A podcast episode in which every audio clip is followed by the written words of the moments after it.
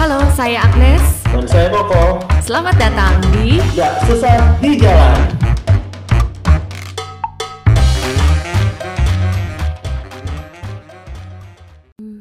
Oke. Lagi sibuk kok. Hmm, lumayan lah. Lumayan. gue tuh kayak burn out kemarin padahal nggak terlalu yang gimana-gimana juga cuman pikiran banget aja jadi buset nggak fokus ngerjain apa-apa sorry ya tapi udah upload kemarin malam. Ya oke sebentar. Oke kita mulai. Oke. Halo semuanya. apa kabar? Kembali lagi di podcast nggak sesat di jalan pandemic edition. iya iya iya. Semoga nanti nggak ada eh semoga nanti ada versi bukan pandemik ya. Bukan pandemi eh, eh, tahun 2024. Nah, janganlah. waduh kelamaan Kelamaan keburu pemilu lagi. Kira-kira kalau kalau ya jangan sampai sih ya, kalau sampai kelamaan kayak gitu, tingkat kelahiran bayi tuh meningkat apa nu- menurun ya? Kayaknya orang kan jadi preventif banget. eh, ya gua nggak tahu ya sekarang di apa kuarantin PS PSBB PPKM level Heeh. 4 ini katanya dulu banyak yang hamil kan. Yang pertama ya. ya yang ear- early edition yang di mana masih cengangas-cengangas bikin dalgona coffee bikin roti melihara tanaman hidroponik segala macam segala dicoba. Iya iya iya.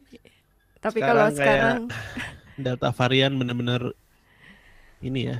Hmm, bahkan di Amerika pun yang katanya udah divaksin juga masih masih naik lagi kasusnya. masih naik lagi dan semuanya akhirnya kembalinya ke yang nggak divaksin katanya lebih banyak meskipun ya itu tadi ada beberapa teman juga sebenarnya eh, divaksin juga masih bisa Kena. kena juga dan udah kadang ya lebih baik divaksin sih kemungkinannya Tetap aja lebih baik divaksin. lebih Mm-mm. kemungkinannya lebih kecil dan Kalau kena pun nggak sampai parah. Gitu ya kebanyakan gitu ya Mm-mm. Biasanya memang yang comorbid comorbid itu Iya, betul. Yang comorbid yang memang jadi ini sih, memperparah ya. di lingkungan gue so far ya gue mungkin termasuk yang beruntung ya Mm-mm. percaya percaya aja sih vaksin dan segala macam jadi Oh, nggak ada yang dari keluarga nggak inilah ya, Ya, nggak nggak yang nggak ribet gitu ya ngasih tahu suruh vaksin gitu nggak kan. ada yang bilang di covid kan dan segala macam Hmm, hmm, pusing deh tuh kalau ada apa Iya. kayak gitu. kayak mental health juga membaik kalau misalnya Mm-mm. semuanya kayak bersatu padu oh ya memang ini lagi Beneran. pandemi Hmm. Oke, kalau gitu biar kita nggak semakin pusing dan sesat di jalan, mendingan kita langsung mulai aja. ya kita masuk ke pertanyaan pertama yaitu apakah pelajaran hidup yang didapat di sekolah yang tidak didapat kalau homeschooling Pelajaran hidup. Oke, lo pernah homeschooling kah? belum tapi Mm-mm. karena ya gua nggak tahu kalau zaman dulu lu homeschooling lu cuma tergantung seberapa pintar orang tua lu dan mungkin nggak tahu ya gua ngebayang homeschooling dulu orang tuanya beli ensiklopedia banyak setebal itu terus di- Iya iya. anaknya iya. disuruh baca Iya. karena akses aksesnya nggak kayak sekarang ya maksudnya kalau sekarang Banyak yang punya YouTube uh-uh. ada ruang guru ada Zenius ada Betul. macam-macam Mm-mm, mm-mm. jadi ya untuk homeschooling menurut gua jadi lumayan menarik ya karena Iya. nggak tahu ya menurut gua kalau misalnya dulu di sekolah ada pelajaran-pelajaran yang memang nggak bisa disamain anak sih Iya, sih. jadi maksudnya anak ini belajar yang memang dia minati dan menurut orang tua juga penting untuk dipahami ya, walaupun dia nggak minat misalnya gitu, tapi anak Iya. penting dibekali. Jadi eh, bisa lebih nge-skip yang nggak penting-penting gitu kan? bener dan yang ya, temen gua dulu ada yang bahasa Inggrisnya eh bahasa Inggrisnya jago tapi matematikanya nggak jago terus ada yang juga kebalik yang matematikanya jago bahasa Inggrisnya nggak jago dan menurut gua sih porsi mereka belajar bahasa Inggris atau bahasa matematika harusnya berbeda gitu maksudnya Mm-mm, mm-mm. Ah udah Iya. ini mah kalau misalnya yang jago matematika harus ngikutin kecepatan yang jago yang yang lain gitu yang nggak ngerti Mm-mm. ya takutnya malah bosen terus dia kayak oh bahannya gini-gini dong jadi ini tapi kalau misalnya sekarang video orang ngajar aja kayak kalau di Khan Academy kan bisa di pause juga Iya. kan jadi kayak lu kecepatan yang um, benar-benar kecepatan anaknya yang misalnya benar-benar ngerti Mm-mm, mm-mm. udah benar-benar dimanjakan lah jadi ya Bisa Gua nggak tahu. disesuaikan kebutuhannya ya. Ya, Heeh. jadi ya nggak tahu ya Cuman kalau gini, kalau yang ditanya adalah pelajaran hidup yang nggak ada di homeschooling ya, yang pertama adalah interaksi sosial pasti kan beda gitu ya. Pada saat kita harus homeschooling kan kita nggak banyak ketemu temen lain gitu, kita nggak ada interaksi sama teman-teman gitu. Ya tapi lu cerita dulu waktu dibully kayak, kayak gitu apakah? Ah ya gua nggak tahu apakah itu mm, kan itu pasti negatif ya maksudnya Iya, tapi kan dengan lu nggak ketemu orang itu kayaknya lebih lebih berbunga-bunga mungkin hidup lu. Tapi ya gua nggak tahu ya. Kalau pas gue itu kan ngerasanya pengennya tetap sekolah tapi nggak di tempat itu itu sih gitu. Jadi waktu pas dimasukin ke sekolah lain gue nggak trauma gitu gue tetap senang yang pasti nggak di sana lagi lah gitu terus kalau misalnya oh lu lu Mm. sempet pindah sekolah pindah kan akhirnya. Jadi Oh, pas oke. gue habis dibully itu terus kan besokannya beneran gue nggak sekolah lagi gitu. Jadi emang kayak trial doang sih gitu. Habis itu Oke. terus udah saatnya gue masuk TK gitu kan. Ya udah sama nyokap gue nggak dimasukin ke sekolah itu tapi ke sekolah yang lain. Dan gue excited excited aja sih gitu. Dan udah nggak inget juga tuh kalau gue pernah dibully. Jadi pas di TK gue ketemu teman-teman yang emang sebaya sama gue sih nggak ada masalah gitu oke ya, mungkin Mm-mm. itu kali ya kalau misalnya lu pengalamannya positif menyenangkan Mm-mm. Ya intinya sebenarnya kalau pelajaran hidup itu bisa ketemu banyak anak tuh sebenarnya bisa mengasah social skill kita kan gitu. Bisa empati, lebih bisa tahu banyak karakter ada orang-orang di sekitar kita tuh karakternya beda-beda loh gitu. nggak nggak semuanya sama-sama kita. Bisa lebih toleransi, bisa lebih tahu kita harusnya bersikap sama orang orang lain tuh kayak apa sih gitu kan. Itu sih yang kayaknya di homeschooling akan lebih terbatas. Jangankan homeschooling, ada beberapa sekolah yang muridnya tuh nggak banyak. Kalau umumnya kan rata-rata satu kelas 20 sampai 30 minimal ya. ya Heeh. Nah, kalau misalnya muridnya tuh cuman di kelas cuman kayak 5 sampai 10 orang itu juga kayak lo mau organisasi juga nggak bisa gitu. Jadi ada keterampilan-keterampilan yang akhirnya emang kita nggak maksimal tuh dapatnya. Mau bikin organisasi kan beda-beda kalau ekskul sekolah gitu ya. Yang satu suka lukis, yang satu suka musik, yang satu suka olahraga gitu. Nah, siapa yang ngikutin ekskul ini? Masa cuma dua orang gitu. Jadi ya itu gitu. Jadi kayak keterampilan sosialnya lebih lebih terbatas sih gitu. ya, lebih banyak eh, hobi gitu ya kalau misalnya di kelasnya sendiri ya mungkin dari sisi pelajaran mungkin lebih enak kali ya homeschooling karena Ya lebih fokus kan. dan ya memang dalam hidup memang kadang-kadang lu nggak bisa milih lu berada di situasi sosial seperti apa sih ya maksudnya Mm-mm, mm-mm. Harus siap Lu- sama segala macam kemungkinan kan. lu di rumah terus ternyata tetangga lu anti vaksin semua atau misalnya itu kan juga Mm. Iya sih mungkin lebih ke ya gua nggak tahu ya apakah ini akan mempengaruhi karakter lu gitu ya maksudnya Iya iya. Benar gua benar. lu apakah lu mengenal orang yang homeschooling yang kayak Hmm, ansos atau apa kayak gua nggak punya temen Enggak mungkin sih. dia mereka juga nggak pernah cerita kali ya kalau mereka homeschooling tapi Iya, tapi pada kalau saat ini perilakunya apakah mencerminkan dia homeschooling atau enggak Iya iya iya. Tapi kayaknya kalau misalnya yang homeschooling, kayaknya nggak selalu dia sampai SMA homeschooling ya nggak tahu deh. Pasti ada ada masanya mereka yang akhirnya harus ikutan bimbel juga atau ikutan apa. Apalagi kan kalau mau ikut kayak ujian masuk eh, universitas kan juga harus belajar kurikulumnya kan. kayaknya banyak juga yang apa namanya komunitas homeschooling dan kayak Mm-mm. ya meskipun homeschooling tapi juga udah ada ada udah ada kurikulumnya jadi nggak nggak sembarangan juga ngajarin Benar, segala benar. sesuatu Iya. dan Ah, rata-rata sekarang homeschooling emang udah ada kurikulumnya kan, tapi tetap aja ada yang beda gitu yang nggak nggak nggak sama juga sama sih sama kayak swasta gitu belum tentu mereka punya kurikulum yang sama. Iya, Tuh. berhubung kita sama-sama bukan homeschoolers jadi Cuman ya gue sih mengamati nggak itu ya. Ibaratnya bisa ngebandingin bener-bener ya maksudnya cuma bisa ngebayangin aja ya dan mm-mm. ya itu yang paling krusial ya maksudnya saat orang tua memutuskan homeschooling atau enggak yang jadi selalu jadi concern adalah eh, anaknya bakalan bisa ya berteman ya nanti. tough atau enggak jadi jadi enggak sosial Iya. gimana gitu dan ya mungkin dari pertanyaan ini ya kayak kalau misalnya uh, kalian bahas oh nggak nggak penting kok yang Hmm. mendengar ini Mm-mm. ya boleh aja uh, kasih tahu kita sebenarnya homeschooling juga nggak uh, antisosial amat kita bisa ikutan les apa les gitar Ya. atau les bahasa Inggris yang lain yang bisa betul.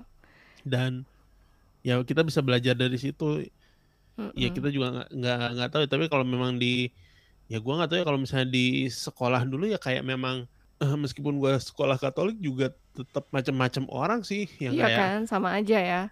ya mak- Mm-mm. maksudnya mungkin nggak se se ekstrim eh, tempat lu atau di sekolah lain tapi ya tetap aja secara sifat nggak bisa memang ajaib-ajaib sih Iya, nggak- sekarang aja kalau kayak yang udah terbiasa di sekolah swasta pas masuk ke sekolah negeri itu kan juga akan ngerasain tuh bedanya gitu.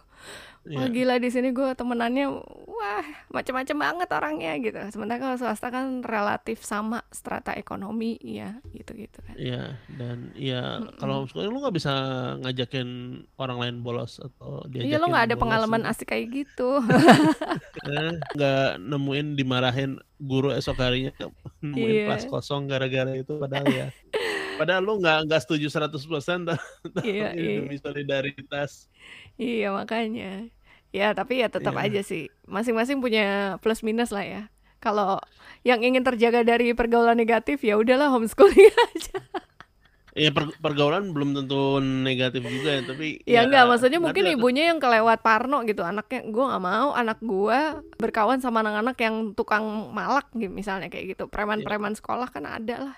Oke, jadi itu ya. Kayaknya kalau menurut pendapat kita ya itu tadi mungkin interaksi sosialnya agak kurang, tapi bukan menutup kemungkinan anak ini kalau pintar beradaptasi pada saat nantinya dia Ya. kuliah di tempat umum gitu kan.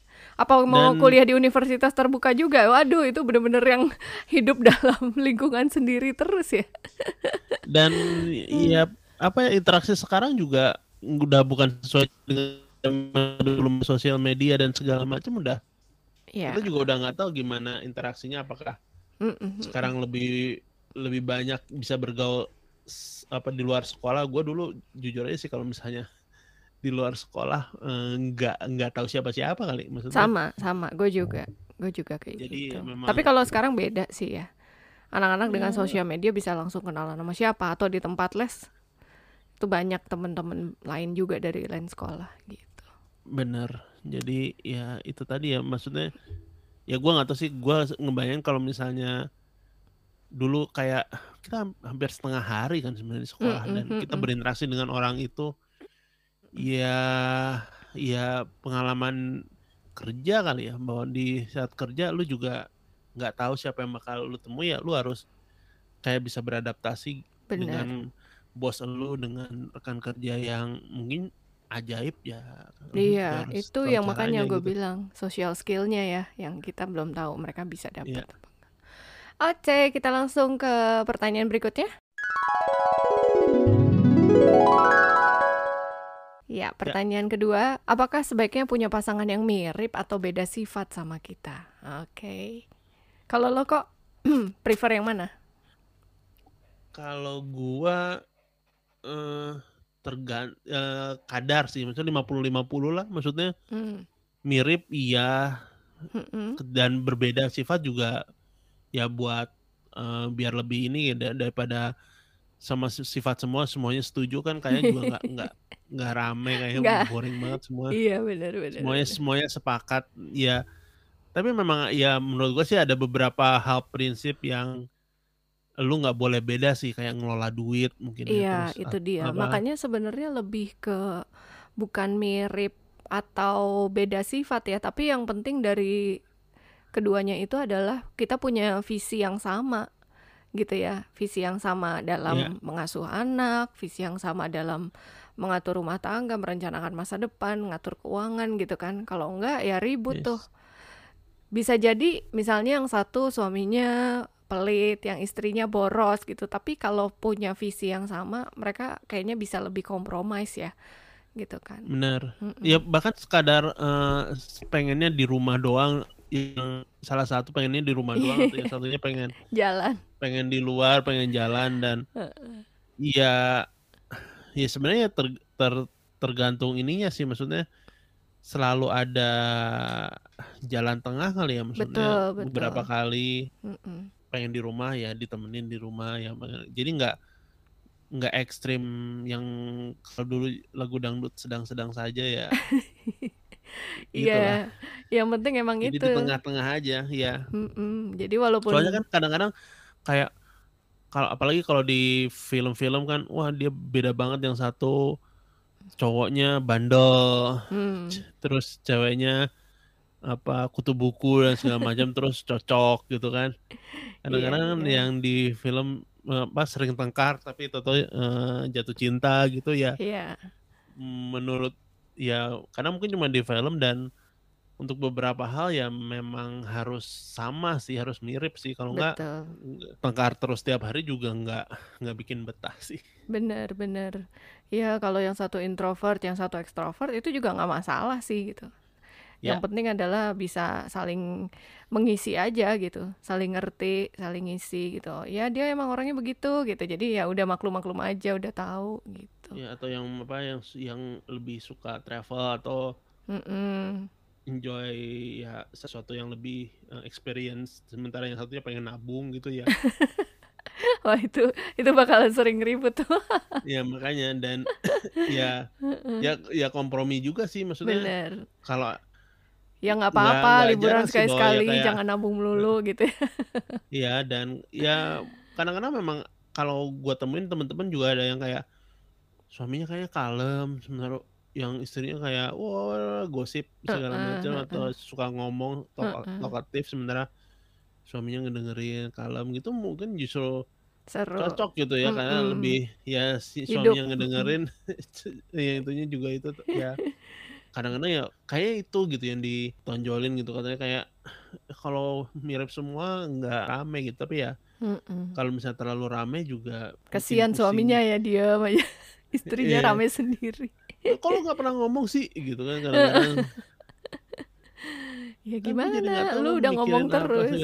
macem Iya, jadi iya. ya memang ya itu sih nggak nggak menurut gua sih nggak nggak boleh sama sama juga ya mungkin jadi boring gitu nggak Jadi boring waktu ya mungkin karena sepikiran jadi kayak nggak nggak bisa ngelihat sesuatu yang mungkin beda, Beda, gitu kan jadi mm-mm. kayak keputusan sebagai suami istri mungkin ju- justru nggak ada yang suka ngambil resiko terus ada yang kayak ya bahkan kayak ngam, yang satu ngambil reksadana yang satu lebih suka deposito gitu kan juga sebenarnya beda. sesuatu yang Mm-mm. eh, taking risk sama Iya, enggak tapi ya kecocokan memang itu chemistry memang nggak bisa dihindarin ya tapi ya mm-mm.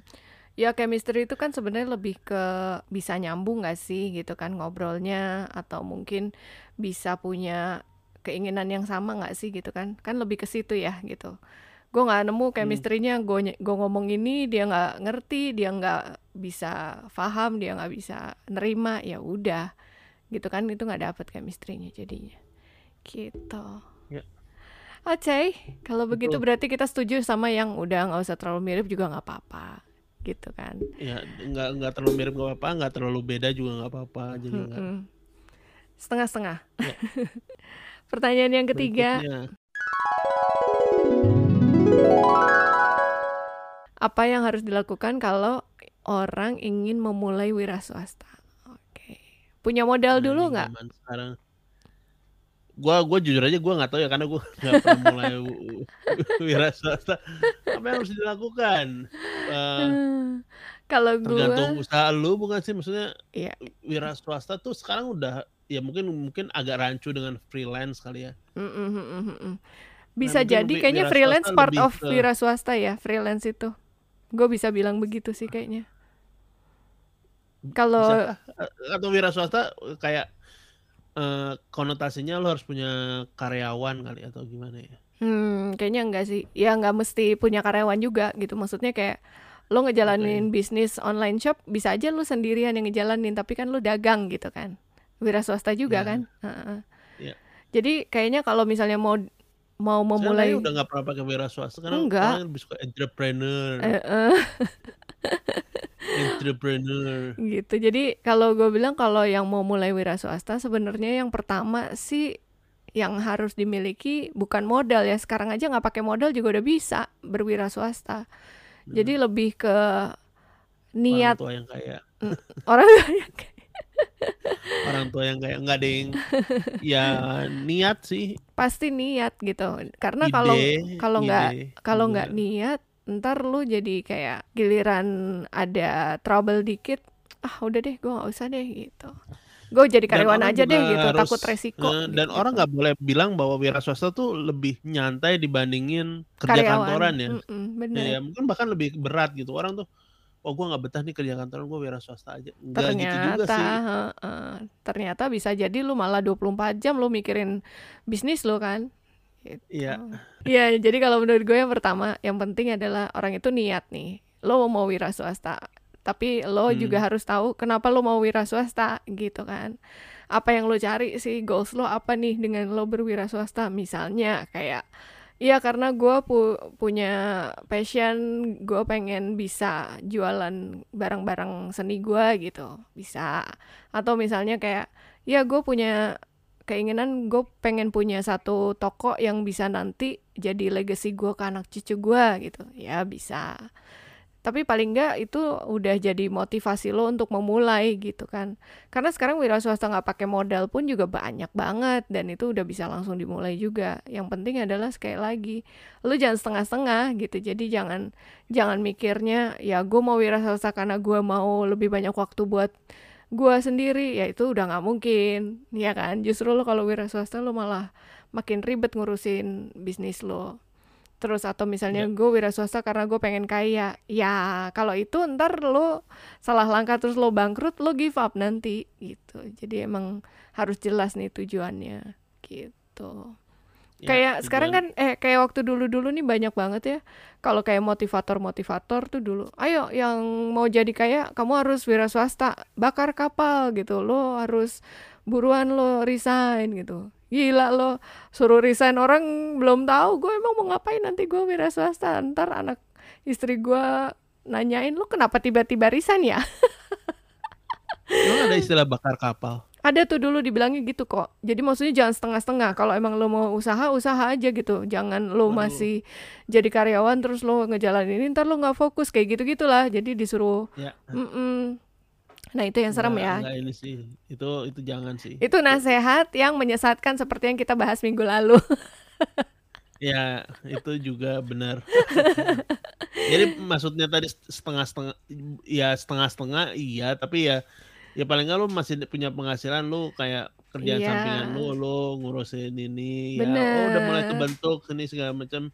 Ya Baru. boleh lah lu mau resign, bilang ini. betul karena sekarang banyak kok karyawan yang punya side hustle gitu karena Side emang hustle, Yoi. istilahnya 2000 berapa tuh? Kayaknya kayaknya 2020 ya side hustle gua influencer gitu. Yoi. Jadi maksudnya ya nggak usah yang ekstrim-ekstrim amat lo harus pindah langsung ya udah gue resign tapi terus bisnis lo juga belum jalan gitu. Ya. Gitu dan ya ya ini sih maksudnya kadang-kadang wira swasta itu jadi kayak scapegoat buat gua nggak suka kerja kantoran gitu. itu salah banget itu. Siapa itu Ya. yang ngajarin? Sesat itu. atau apa Apa? ah, nggak mau kerja di bank gara-gara riba waktu itu gue juga nggak tahu itu beneran Oh iya iya iya, itu masih banyak yang kayak begitu. ya Mm-mm.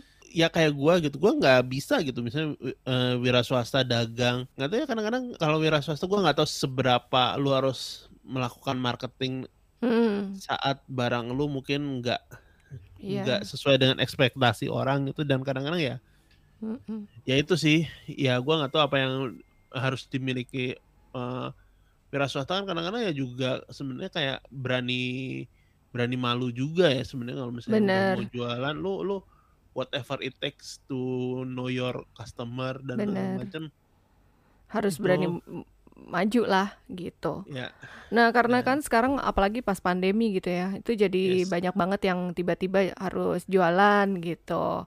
Banyak yang tiba-tiba jadi buka lapak ngapain lah bikin apa masakan isoman lah atau misalnya paket-paket buah atau apa gitu banyak sih gitu. Ya. Tapi kan memang sekali lagi akan lebih bagus kalau udah diniatin nih gitu ya gue niat ini gue coba deh untuk bisa nambah penghasilan gitu untuk bisa nantinya juga mungkin kalau bisa jadi gede lumayan nih buat bisnis masa depan bareng keluarga bisa kayak gitu juga kan tapi yang Yes. penting adalah yang pertama ya lu jangan sekedar ikut-ikutan jangan sekedar kayak ya buat nambah-nambah doang deh gitu ya itu nggak kuat ntar lo jadi kayak dapat saingan dikit lo give up gitu nggak laku dikit lo merasa rugi gitu lo udah Iya. ninggalin kerjaan kayak gitu-gitu sih Iya, Oke. bener sih. Jadi ya memang nggak gampang sih dan ya nggak tahu kadang-kadang gue gua merasa bahwa ya kadang-kadang sur- survivorship bias bahwa yang diundang ke apa namanya seminar segala macam itu ya Mm-mm. pengusaha yang sudah sukses gitu bahwa di yang yang nggak diundang itu banyak juga yang Mm-mm. gagal modalnya tuh dan Iya, ya iya makanya dulu gue sampai pernah tuh pengen bikin ya sama temen gue si Niko Niko Alius pengen bikin kita bikin seminar seminar yang isinya adalah anti motivasi deh jadi segala hal yang cerita tentang kegagalan gue mau mulai bisnis gue gagal jadi entrepreneur semua kegagalan tapi tujuannya adalah biar orang tuh aware bahwa lu bisa belajar dari kegagalan mereka supaya lu nggak menjalani langkah-langkah yang mereka ambil sehingga mereka gagal gitu. Jadi kita belajar dari Ya. kegagalan itu gitu. Kalau Benar. diliatin orang yang udah sukses kita nggak tahu background orang itu. Dapat modalnya dia dari mana? Iya kan? ya bener Karena Iya kan? Gitu. Iya nggak tahu, gue nggak tahu ya suka ketawa aja kayak kayak jokes eh, kayak ap- apa ya Steve Jobs eh, yang kemarin Jeff Bezos gitu Iya, ya bahwa iya.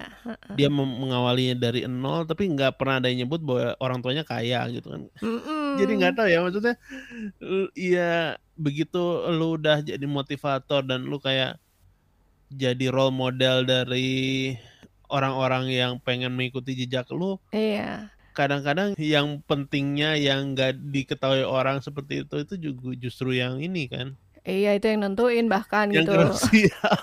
Iya, dia bisa begitu karena apa gitu. Privilege-nya udah banyak duluan nih dibanding Iya. lu gitu. jadi ya itu teman-teman ya Hati-hati nih, jangan sesat nih bener-bener deh. nah, iya betul sekali jangan tinggalin pekerjaan lu dulu kalau Mm-mm. misalnya tapi ya mungkin yang penting buat wira swasta ya lu nemuin apa yang lu suka sih jadi Hmm. lu udah jadi wira swasta lu jangan ngelakuin sesuatu yang lu nggak suka gitu lu Iya, bener banget. Lo bisa milih dagang apaan tahu gitu. Tiba-tiba lo milih yang lo nggak suka dagang gituan yang ngapain lo jalanin.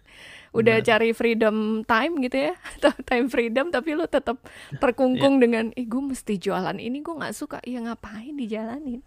yes benar Oke, lanjut. Jadi itu ya, baik yang mikir mau wira swasta di zaman eh, di era pandemi ini Mm-mm. ya nggak gampang sih. Tapi kalau misalnya memang lu udah niat jalin lu lu tahu apa yang lu butuhin untuk sukses dan lu merasa punya ya kita kita dukung Ya. nggak apa-apa kalau emang sekarang situasinya mengharuskan lo untuk mulai jualan ya hajar. Sekali lagi yang tadi lo bilang, jangan pakai malu, Yes. jualan-jualan aja. Jualan-jualan aja bener. Oke. Pertanyaan terakhir. Bagaimana caranya berhenti membandingkan diri sendiri dengan orang lain atau keluarga kita dengan orang lain? Waduh. Ini nih memang comparison is the thief of joy. Membanding-bandingkan itu bikin lo jadi nggak happy gitu. Rumput tetangga selalu lebih hijau Iya, dan dan yang lain. Dan lebih terawat karena dia punya gardener yang Meskipun Lebih mahal. Jadi Ya. gimana caranya ya supaya tidak membanding? Kalau rumus gua, dulu gua tuh selalu compare gitu. Wah, gila. Gue orangnya kompetitif sekali gitu. Jadi kayaknya kalau ada orang yang bisa, masa gua nggak bisa sih gitu. Hmm. Jadi eh, akhirnya itu jadi beban buat gua gitu. Nggak tau lah, emang karena dari kecil gue kayak udah dididik sangat kompetitif. Bahkan nyokap gue tuh suka banding-bandingin kan sama saudara-saudaranya sendiri kan. Ya kan, dia suka kayak gitu gitu. Kita nggak sadar gitu bahwa kelakuan orang tua itu sebenarnya toksik, mama. Iya.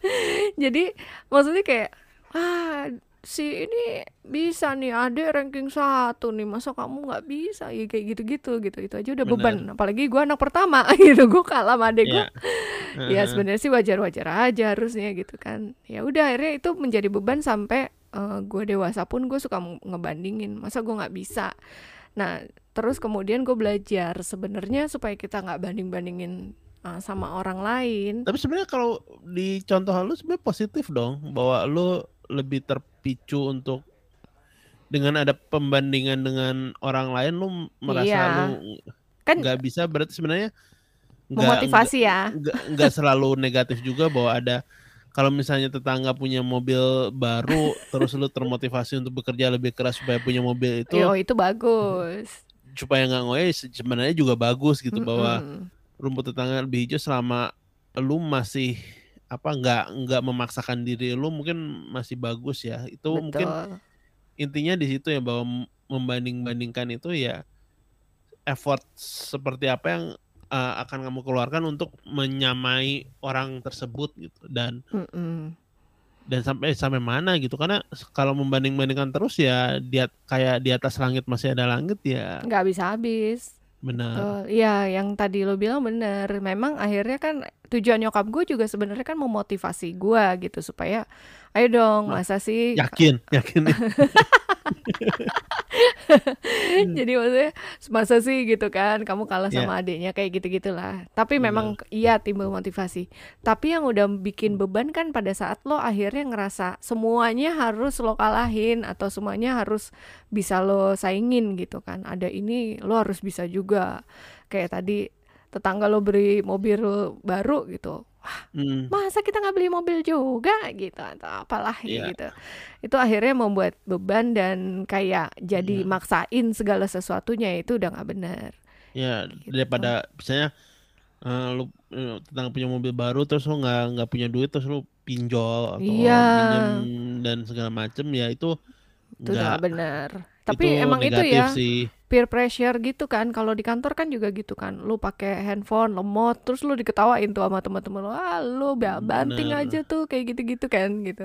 ya Ya, dan itu ya saat itu ya mungkin nggak lu harus apakah memang ada cara lu un- untuk stop membanding-bandingkan sih maksudnya kalau itu kan hmm, udah nggak nggak bagus juga maksudnya ya HP lu juga misalnya situasi lu misalnya lu harus nyekolahan adik lu gitu, sementara yang itu enggak gitu kan ya Orang lain kan nggak tahu gitu ya. ya Heeh. benar dan itu juga bukan alasan lu untuk harus beli HP baru gitu kan Benar, itu lebih benar. lebih negatif dibandingin apa lu termotivasi ya memang sih kadang-kadang kalau misalnya lu termotivasi misalnya badan lu pengen kayak Sofia siapa gitu Lacuba. So, gua, badan gua nggak mungkin kayak sosialis ya jadi ya hidup hidup lebih sehat atau lebih Iya, iya. kurus dan segala macam itu menurut gua positif sih dibandingin ya tapi lu Ah, juga tapi itu itu tadi bukan, jangan nah itu jangan bukan bandingin, Iya kan? Kalau itu kan bukan bandingin ya, lebih ke eh, inspirasi gitu atau goals gitu kan, body goals gitu kan. Beda kalau misalnya kayak ah apa namanya, kenapa sih gue nggak bisa nih gitu, terus itu jadi terus jadi beban buat kita gitu kan. Sebenarnya sih supaya nggak nggak ngebanding-bandingin terus adalah ya kita fokus sama kita dulu aja gitu ke- keadaan kita tuh seperti apa sih gitu. Kenapa sih kita nggak bisa seperti dia? Kita lebih berpikirnya adalah, oh mungkin emang itu semua kan butuh proses. Kalau gue mau seperti dia ya gue harus jalanin apa yang dia jalanin juga gitu. benar Dan itu kan nggak gampang kan. Jadi kalau udah tahu betapa beratnya Sofia Lacuba bisa seperti itu, yes mungkin dia nggak makan bakso sejak dia nggak makan soto. 2000 2012 Iya makanya gitu. Apakah kamu bisa gitu sementara kamu tidak bisa makanya menjauhi Aci? nggak bisa menjauhi cilok mau jadi badannya kayak Sophia kumaha Kak? Nah, gitu Iya kan makanya. Jadi ya udah gitu jangan jangan terus kamu menyesal dan merasa kamu jadi loser atau apa gitu ngebanding-bandingin. Ya enggak lah, realistis aja. Fokus sama goals dulu sendiri aja deh, bikin goal sendiri, fokus di situ. Jadi setiap progres yang kita bisa lakukan, kita juga bisa apresiasi. Oh, ternyata gue bisa kok paling enggak jalan 3000 langkah setiap hari gitu. Sofia Lacuba berapa? 7000 ya? Ya, gue dikit lagi gitu. Bener. Dan yang itu kalau misalnya uh, mau ngebandingin kayak ya gue nggak tahu paling gampang kan uh, status ekonomi atau Mm-mm, apa mm-mm. apa yang lu punya dan ya memang itu susah sih maksudnya ada teman kantor lu udah punya rumah lu belum tapi lu Mm-mm. harus uh, nyokong orang tua lu lu nggak bisa ngebandingin Nggak bisa. nggak nggak bisa dibandingin itu tuh sebenarnya nggak nggak Nggak apple to fair. apple gitu kan sebenarnya yang satu punya tanggungan keluarga yang satu misalnya baru nikah dan Mm-mm. ya punya istri yang bisa juga gajinya dibantu buat eh, KPR dan segala macam ya memang Iya. ya nggak bisa dibandingin gitu bahwa kadang-kadang lu ngebandingin satu sisi tapi lu nggak ngebandingin Sisi eh, di dalamnya ada sisi-sisi apa aja. lainnya gitu kan Mm-mm. ya lu ngelihat ah, siapa lah Jeff Bezos Mm-mm. kaya banget bisa nerbangin roket ke luar Mm-mm. angkasa tapi dia misalnya nggak punya keluarga kayak Iya. lu keluarga yang sakinah dan harmonis misalnya gitu Iya. kan ya Masih banyak Iya, hal lain yang nggak- sebenarnya bisa kita syukuri dulu gitu. benar jadi memang dan nggak bisa dibandingin gitu lu mau ngebandingin kayak Jeff Bezos sama keluarga lu ya nggak nggak nggak sama gitu eh, apa Iya. harganya gitu Iya, kecuali lu tetangganya gitu kan. tangannya Kayaknya kita strata sosial sama, sama dong di nggak mungkin dong rumahnya Jeff Bezos sebelahnya eh, apa KPR Iya, KPR tiga kali enam kan nggak mungkin. nggak mungkin Ya, lo boleh lah berpressure di situ. gitu. se- yes. Tapi paling Jadi pressure ya, lo cuman se- sebatas ini. Dia udah terbang ke luar angkasa, gue belum. Gimana nih? Paling pressure-nya gitu. bener Eh nggak nggak nggak bisa ngebandingin juga nggak tuh ya yang paling sering sekarang ngebandingin kan kayak New Zealand sama Indonesia pandemi iya. iya nggak bisa, nggak bisa. Lo harus bersyukur. Ya udahlah Iya. ya eh, di ya udahlah Indonesia ya pandemi masih. kita namanya ppkm level 4 mereka kehidupan normal Iya, mereka kan rakyatnya dikit, nggak banyak. Mereka Iya. kan orangnya bisa diatur karena orangnya kayak gitu semua sama. Kalau di sini kan Iya. orangnya macam-macam. Kalau di sini kan ya berbagai ukuran dan sifat ada di sini Iya, gitu. Ada kalanya mereka juga akan iri sama kita. Bener. Gitu. Wah, di Indonesia kalau lebaran rame nih, ada libur. Nah, kita lebaran masih kerja Iya, aja ada lagi. bener. kalau malam-malam di sana udah nggak ada yang lewat Iya, gerobak di sini masih ada mie tek-tek iya, misalnya makanya. Jadi ya memang nggak bisa nggak nggak boleh ngebandingin satu sisi aja sih. Tapi kalau misalnya kayak tadi itu memotivasi em, supaya kamu menjadi lebih baik ya lakukan. Bagus, betul. Benar. Kalau jadi motivasi itu bagus, tapi kalau jadi beban, terus kamu jadi ngoyo, nggak keruan gitu, ya itu mah Yes. udah nggak sehat. Betul sekali. Gitu. Toh Jeff, Jeff Bezos keluar angkasa juga karyawannya udah mulai pada mangkel gitu. Coba bapak ya, nggak itu usah pulang ke kata-kata dia juga kan bahwa ada yang Jeff Bezos kayak di wawancara bilang eh, karyawan karyawan Amazon yang membiayai ini semua. Iya, kalian bekerja keras, lebih Eh. keras lagi supaya saya bisa balik lagi nanti ke sana. Terus karyawan bilang, coba bapak nggak usah balik lagi gimana? Dan biar gaji saya naik. iya. Ya, Oke, berarti selesai ya. Ingat ya, Yes. pokoknya hari ini ini penuh dengan petuah sih, Iya kan? Nggak boleh eh, ngerasa jadi ngebanding-bandingin sama orang jadi beban. Terus juga jangan kalau mau jadi wira swasta, terus modalnya nekat doang, pengen ikut-ikutan, tapi nggak jelas, nggak ada motivasi yang benar, itu juga jangan. Cari pasangan harus mirip atau enggak, nggak usah yang terlalu ngoyo juga gitu. Kalau dapatnya itu, kalau misalnya visinya sama, nggak apa-apa. Yes. Gitu. Oke? Oke, ya. Sip, kalau gitu berarti kita udah selesai episode nggak sesat di jalan ke-18. Ke-18, terima kasih sudah mau mendengarkan. Kalau misalnya ada pertanyaan-pertanyaan, kirim aja ke tanya at nggak atau Mhm. media Sosmed sosial kita. di Agnes Marita, Mm-mm. Instagram dan Twitter. Kalau aku at ko2w di Twitter dan Instagram at akokow. Sip, kalau begitu.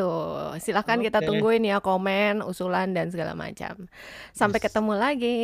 Sampai ketemu minggu depan. Tetap Dadah, jangan semangat. sesat jalan. Bye-bye. Bye.